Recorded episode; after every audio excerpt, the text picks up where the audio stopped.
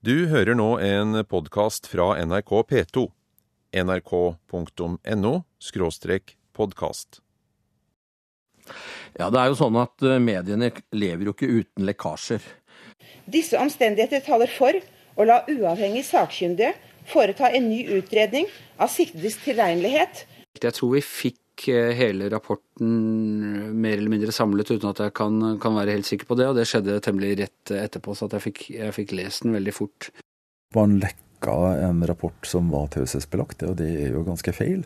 Det andre er jo at eh, det antagelig fikk den konsekvensen at det medvirket av fornyelsesakkyndige, og det var i og for seg bra. Kurer i dag skal handle om lekkasjer, og hvordan lekkasjer kan påvirke samfunnet og utfallet av viktige saker innenfor politikk og rettsvesen. Hvorfor velger noen å lekke, og hvordan behandler mediene lekkasjer? Kurer, P2s mediemagasin. Først en av norgeshistoriens best kjente lekkasjer, som førte til en borgerlig regjerings fall og ga språket vårt to nye uttrykk. Jeg vet ikke om det er ubeskjedent, men kanskje min oppgave mer kunne sammenlignes med det å bære staur. Jeg er djupt såra og vonbroten Per Borten, som måtte gå av som statsminister, og Kjell Bondevik, som aldri ble det. Året var 1971. Norge hadde søkt om medlemskap i EF, og regjeringen var splittet. Et oppslag i Dagbladet skulle felle den. Den 19. februar hadde avisa trykt en artikkel på grunnlag av en fortrolig rapport til regjeringa fra den norske ambassaden i Brussel. Det ble stort oppstyr om hvem som var kilde for opplysningene. Onsdag 24. februar sendte statsminister Per Borten ut en melding om at verken han eller medarbeiderne hans kunne være denne kilden. Men bare to dager seinere kom statsministeren med ei ny kunngjøring. Her holdt han fast på at han ikke hadde vært kjeller for Dagbladet, men samtidig vedgikk han at han hadde vist den fortrolige rapporten til lederen for folkebevegelsen mot norsk medlemskap i EEC, høyesterettsadvokat Arne Haugestad. På bakgrunn av denne kjensgjerning er det bare én naturlig utgang, nemlig at regjeringen leverer kongen sin søknad om avskjed. Nå viste det seg mange år seinere at kilden verken var Haugestad eller Borten, men en ansatt ved statsministerens kontor. Men uansett, lekkasjen var den direkte årsaken til regjeringens fall. Altså Sykdomsutviklingen startet, det, det, må vi komme tilbake til. Eh, men som min kollega sa i stad, så har de sakkyndige sagt at dette er en sykdomsutvikling som har vart over tid. 29.11. i fjor kom psykiatrirapporten om massemorderen Anders Behring Breivik. Psykiaterne mente han var utilregnelig, slik statsadvokat Svein Holden la det fram. Breivik har opplyst til de sakkyndige at han har begått drapene, eller henrettelsene, som han selv kaller det, av kjærlighet til sitt folk. Han karakteriserer seg selv som den mest perfekte ridder etter annen verdenskrig det førte som vi vet til en voldsom debatt, og allerede samme dag skrev VGs kommentator Anders Giæver under overskriften 'Kan vi leve med dette'? Vi hadde fått noen tips som gikk på at det kanskje kom til å gå mot utilregnelig, så jeg var ganske godt forberedt på det. Jeg hadde snakket med forskjellige psykiatere og, og um, forskjellige typer folk, så jeg var liksom forberedt på den argumentasjonen.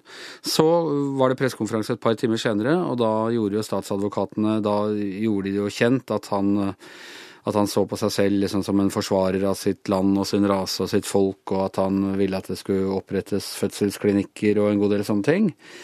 Eh, så da skrev jeg på en måte neste kommentar da, til neste dags avis, og da, da visste jeg jo såpass at, eh, at de tingene de i hvert fall offentliggjorde på den pressekonferansen, var i overensstemmelse med f.eks. nasjonalsosialistisk eh, tankegang før og under annen verdenskrig.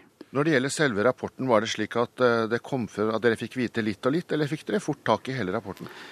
Jeg tror vi fikk eh, hele rapporten mer eller mindre samlet uten at jeg kan, kan være helt sikker på det, og det skjedde temmelig rett etterpå, så jeg fikk, jeg, fikk, lest den veldig fort. Og da øh, bekreftet jo det øh, det inntrykket jeg allerede hadde. Jeg husker at rapporten øh, Tidlig i rapporten så forteller de om sitt første møte med Anders Behring Breivik, hvor han eh, spør dem mener dere at alle nasjonaldarwinister er psykopater. Og da er de helt òg hva er nasjonaldarwinist, hva mener du med dette? Og det ender med at de stempler dette som en såkalt neologisme, altså et sånt nyord som psykotiske personer finner opp.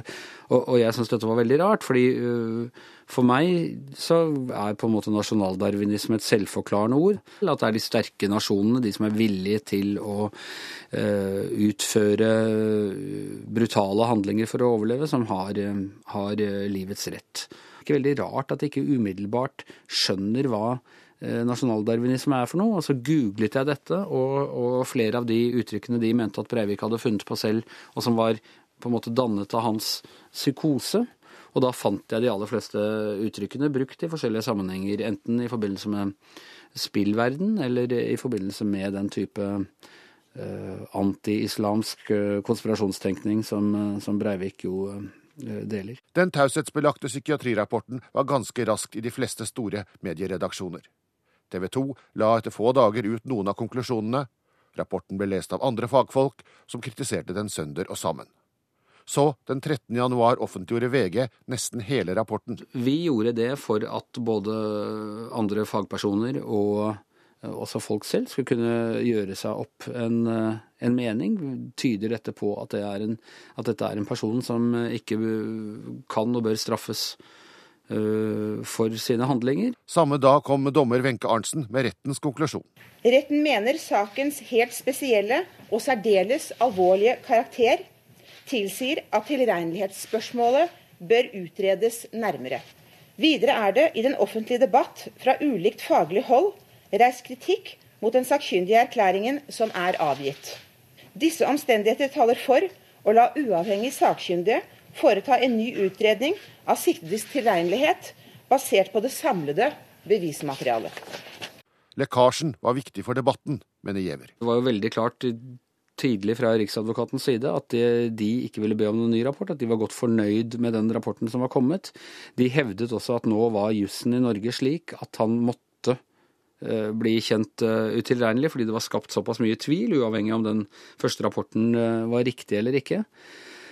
Sånn at uh, for debatten var den helt avgjørende. Jeg tror også at uh, det var avgjørende for uh, resultatet etter hvert, men det er klart at disse to dommerne, Lyng og Arntzen, viste seg å være veldig selvstendig tenkende og utrolig skarpe dommere. De stilte en rekke spørsmål hele veien under behandlingen, og, og i hvert fall teoretisk sett så kunne de ha kommet fram til samme resultat og underkjent den første rapporten, men det er vel mindre sjanse for at de ville ha gjort det når de ikke hadde en sånn såkalt second opinion, altså en annen rapport å, å støtte seg på.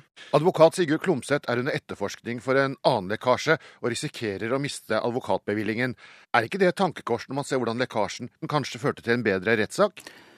Jo, altså jeg er jo litt begeistret for den straffeforfølgelsen de, de her gjorde av eh, denne advokaten når det gjelder denne første rapporten, at det er et klart eksempel på varsling. Det hadde vært veldig alvorlig hvis, eh, hvis dette ikke var blitt eh, kjent, og alle disse avgjørelsene var blitt tatt eh, i lukkede rom, slik den rettsmedisinske kommisjonen og i utgangspunktet altså Riksadvokaten ønsket. Og det er jo på en måte det som er pressens oppgave. Ved Domstoladministrasjonen i Trondheim har direktør Tor Langbakk fulgt rettssaken og debatten rundt de to sakkyndigrapportene. Han mener også lekkasjen var viktig. Følgen av at man gjorde det, var jo nettopp eh, det at man fikk et godt innspill for å foreta en ny oppnevning. Vi vet jo ikke hvordan det har kommet til å blitt vurdert hvis ikke offentliggjøring har skjedd. Er lekkasjer rundt profilerte rettssaker et uh, problem? Ja, det er det jo i prinsippet. Altså, når det gjelder akkurat det du nevnte i sted, så har det jo to sider. Det ene er at man lekka en rapport som var taushetsbelagt, og det er jo ganske feil. Det andre er jo at eh, det antagelig fikk den konsekvensen at det medvirket av fornyelse av kvinner, og det var i og for seg bra. Men eh, det er lov å ha to tanker i, i, hodet på en gang, så i prinsippet så er jeg naturligvis helt imot at man lekker, lekker sensitive og, og taushetsbelagte ting, ja. Du var selv eh, dommer i Orderud-saken. Var det mye lekkasjer der? Inntrykk av at det var ganske mye. Eh, ting ble jo offentlig kjent eh, i løpet av nærmest minutter etter at avhøret var foretatt og sånn. Eh, på den annen side der var det jo ingen lekkasjer som hadde noe praktisk betydning for gjennomføring av selve rettssaken eller rettens vurdering. Men hvem er det som lekker? Ja, Det er jo det vi i og for seg aldri får vite, bortsett fra i enkelttilfeller. Eh, det er vel eh, ganske åpenbart at det i en del saker skjer lekkasje fra politietterforskere. Og det er vel også grunn til å tro, uten at jeg kan bevise det, at en del advokater har et litt frivolt forhold til, til folk i media. Men hvem har interesse av disse lekkasjene? Den primære interessen er naturligvis eh, media som har. Det å få tilgang på ellers eh, sensitiv informasjon er jo et skup for en journalist, og det har jeg all forståelse for. Men uh, de som lekker, må jo også ha et motiv for å gjøre det? Ja, Det kan jo være så ulikt, og, og, jeg vet ikke hva motivet skulle være. I en del sammenhenger så er det kanskje Jeg vet ikke om folk bet, om media betaler for sånne ting, men man gjør seg interessant. Man blir en person som får medias oppmerksomhet, selv om det skjer i dølgsmål. Så et eller annet sånt etter, kanskje. Og i en del sammenhenger så vil jo den som lekker antagelig se seg selv eller klienten tjent med at eh, ting kommer ut i det offentlige rom. Det er jo viktig også å se forskjellen på det som er en lekkasje av ellers taushetsbelagt materiale, og det å gi eh, pressen informasjon og tips. Eh, jeg har vært advokat i mange år, og det er klart at i en del situasjoner så jo at det å få saken fram i media det kunne ha en positiv effekt for, for mine klienter. og Det har jeg også opplevd. Men det er noe annet enn en, eh, den eh, illojale lekkinga av sensitiv informasjon. Så du har aldri lekket? Nei, jeg vil mene at jeg ikke har lekka sensitiv informasjon. Men jeg vet jo også at jeg har solgt inn en god del saker til media den tida jeg var advokat, ja. Hva med dommere, da? Dommere lekker ikke. Det tror jeg ikke det finnes en eneste erfaring for i, i noen tid at dommere har gjort. Siv Hallgren er advokat, har vært i politiet og vært forsvarer i store rettssaker, og var koordinerende bistandsadvokat i terrorsaken. Hun kjenner godt til samspillet mellom presse, advokater og politi. Det er jo en forutsetning hele veien. I den grad man, man, gir noen form for informasjon, så er det jo for det første at det må være avklart med klienten, og det må være i klientens interesse. Eh, og at det gjøres ganske ofte, det tror jeg nok det er. Men man skal være litt klar over at, klar over at eh, for forsvarere og for advokater og, og, bistandsadvokater, så vil det jo etter at tiltale er tatt ut, uh, være anledning til å gi eh, informasjon til pressen uten at man dermed skal kalle det lekkasjer.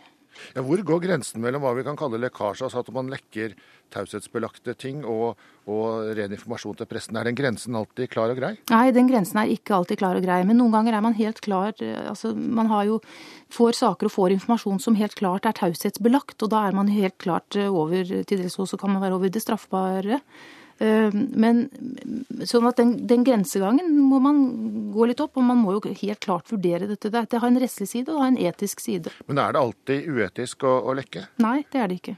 Kan lekkasjer være nyttig og bidra til å belyse en sak bedre? Min personlige oppfatning er at det er det. Jeg tror at det er veldig viktig i et eh, demokratisk, eh, også i et demokratisk land, for å si det sånn, eh, at vi har at mediene er seg sin rolle bevisst. Men, og at man, sørger, at man er, er, avhengig av dette som en, som en del av informasjonen om hva som foregår i maktapparatet.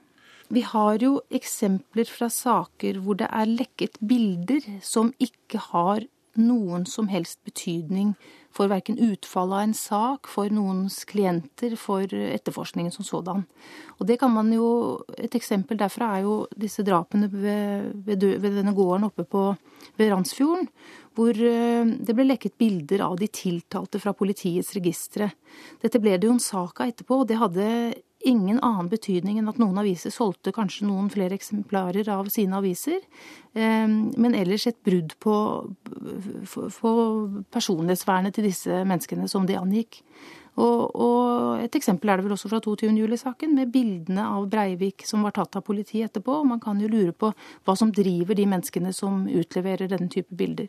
Er dette med, med forhold til pressen noe advokater er opptatt av? Er det noe dere snakker om dere imellom? Jeg tror egentlig at veldig mange advokater finner det Altså synes at det er en vanskelig ting å håndtere pressen. Man er redd for å trå feil. Min første kontakt med pressen som ung politifullmektig var i en sak som eh, hvor jeg simpelthen dummet meg ut, men, men, hvor jeg heldigvis hvor ingen ble såret av det. Det var ikke til plage for noen eh, sånn rent personlig. Det er jeg veldig glad for at jeg fikk den erfaringen, men det var ikke noe morsomt å lese om det i Aftenposten. Kurer, P2s mediemagasin. Jeg har ansvaret for de feil som er begått, og jeg tar ansvaret. Jeg har derfor orientert statsministeren om at jeg har tatt den beslutning at jeg ønsker å gå av som statsråd. Lekkasjer har også stor betydning i politikken, og har ført til mang en statsrådsfall. Det er veldig viktig, og noen kaller det uh, bensin til uh, demokratiets motor, eller noe i den stilen. Så det er klart at lekkasjer, da definert som uh, informasjon som er fortrolig, eller som ellers ikke ville kommet ut, er en viktig del av det råstoffet som, som vi bruker.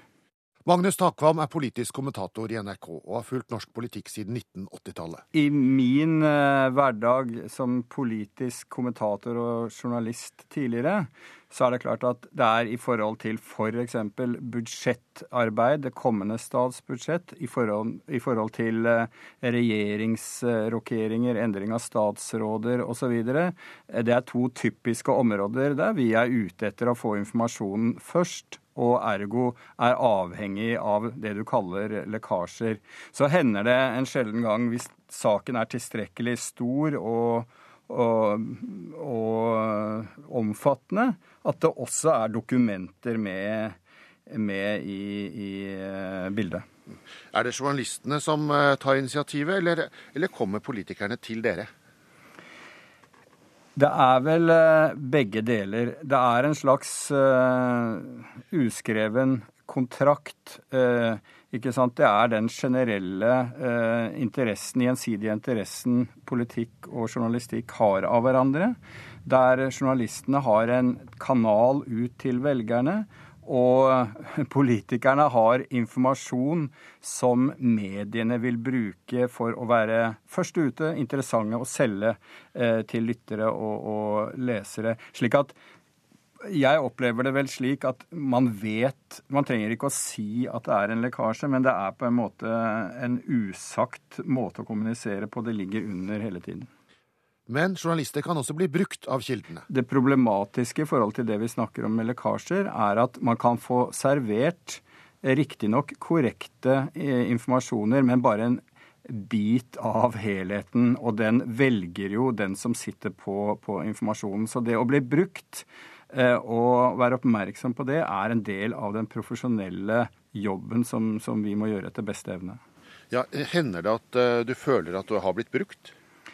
Ja, det er, det er, det ingen tvil om. Og det gjelder selvfølgelig særlig i konfliktfylte saker der det er offentlig strid om hva som er den eh, riktige versjonen. Eh, og det kan ofte være la oss si, internt i et parti, det kan være internt i en regjering eller mellom andre aktører, der man prøver å eh, overbevise f.eks. meg eller andre om at deres versjon er den riktige. Lekkasjer er inne i bildet i mange saker som skaper overskrifter. Altså, la oss si i forhold til uh, Lysbakkens avgang f.eks., så, så var det åpenbart at det var informasjon der, uh, mail, mailkorrespondanse osv., som, uh, som kom i avisene som ikke uten videre hadde kommet dit uten tips uh, innenfra. Ja, I de fleste avsløringer og i de fleste det man kaller skandaler, så vil jeg si at det er, et, eh, det er elementer av, av, lekkasjer. Men det er ofte som Skal vi si eh, Man får en, en informasjon f.eks. gjennom offentlighetsloven, gjennom postjournaler osv. Et dokument som gir et hint, og så har man noe å gå etter. Man, man kan sjelden få en lekkasje ut fra et tomrom. Det, det ligger ofte noe eh, informasjon bak som man begynner å nøste i. Ved Institutt for journalistikk i Fredrikstad er Gunnar Bodal Johansen en som ofte uttaler seg om presseetikk. Ja, det er jo sånn at eh, mediene lever jo ikke uten lekkasjer. Uh, uten kilder som kommer og forteller ting som de uh, som kan både være taushetsbelagte og som ikke bør være taushetsbelagte, men som kan være problematisk for kilden å bringe videre i egen person. Så det er klart at da sitter jo journalisten med et veldig ansvar i mange retninger. Eh, man sitter med et ansvar for de som er berørt av opplysningene. Man sitter med et ansvar for den som gir fra seg opplysningene, og som man kanskje eh, skal eh, bevare taushet omkring. Altså at det skal få lov til å være en anonym kilde. Så alle disse tingene må man jo vurdere. Men først og fremst så må man jo legge vekk, eller vurdere er dette informasjon som har en samfunnsmessig betydning at vi bringer ut som, altså, som en lekkasje. Jeg pleier å si at lekkasjene kommer jo der hvor den formelle innsynsrettighetene ikke strekker til, og hvor informasjonen er av en sånn karakter at det er viktig for samfunnet at det kommer ut. Eh, pressen sitter med mye informasjon som den aldri publiserer. Eh, det er jo ikke sånn at pressen publiserer alt den får mellom hendene. Den, den er veldig, pressen er jo veldig nøye med hva den publiserer. Bodal Johansen mener enkelte lekkasjer er uheldige. Eh, og jeg syns f.eks. at det er veldig problematisk med lekkasjer fra avhør. Eh, altså når personer blir innkalt til avhør av en eller annen grunn, og må avgi eh, informasjon, og kanskje til og med ganske privat informasjon, sensitiv informasjon i et politiavhør, så er det selvfølgelig veldig problematisk at dette lekker ut til pressen. For det vil jo ramme den tilliten man har til politiet, og kanskje gjøre at folk i et avhør blir tilbakeholdne med å gi opplysninger som kan bidra til å oppklare forhold. Eller kan faktisk eh, kanskje rett og slett nekter å, å la seg avhøre. Han mener pressens arbeid, inkludert lekkasjene, kan være viktig for rettssakene. Jeg har gått gjennom i sin tid, det ligger noen år tilbake nå, da, med Bjugn-saken. Og Der så vi jo et veldig interessant eksempel på at den avisen, som mer enn noe la bak seg de gamle tradisjonene om å ikke intervjue potensielle vitner, ikke gå tungt inn i saken, eh, nemlig VG, var jo med på, og utvilsomt, eh, journalisten i VG, Hans Kringstad, var utvilsomt med på å opplyse saken på en måte som var som, som, som, jeg mener var til en fordel for retten når den skulle sette seg ned og behandle saken. Men det er klart at her er det problemer som vi må ta alvorlig. Blir eh, journalistene brukt? At, at, F.eks. at man da får i hende noen dokumenter som ser ut som en lekkasje, men som eh, kanskje er et forsøk på å styre den politiske debatten? Ja, Vi har jo sagt i Vær varsom-plakaten nettopp med det utgangspunktet at når man får tilbud om eksklusivitet, så må man være veldig kildekritisk. Og det er klart at det, det er, det, dette utbytteforholdet mellom journalisten og kilden er jo klassisk. ikke sant?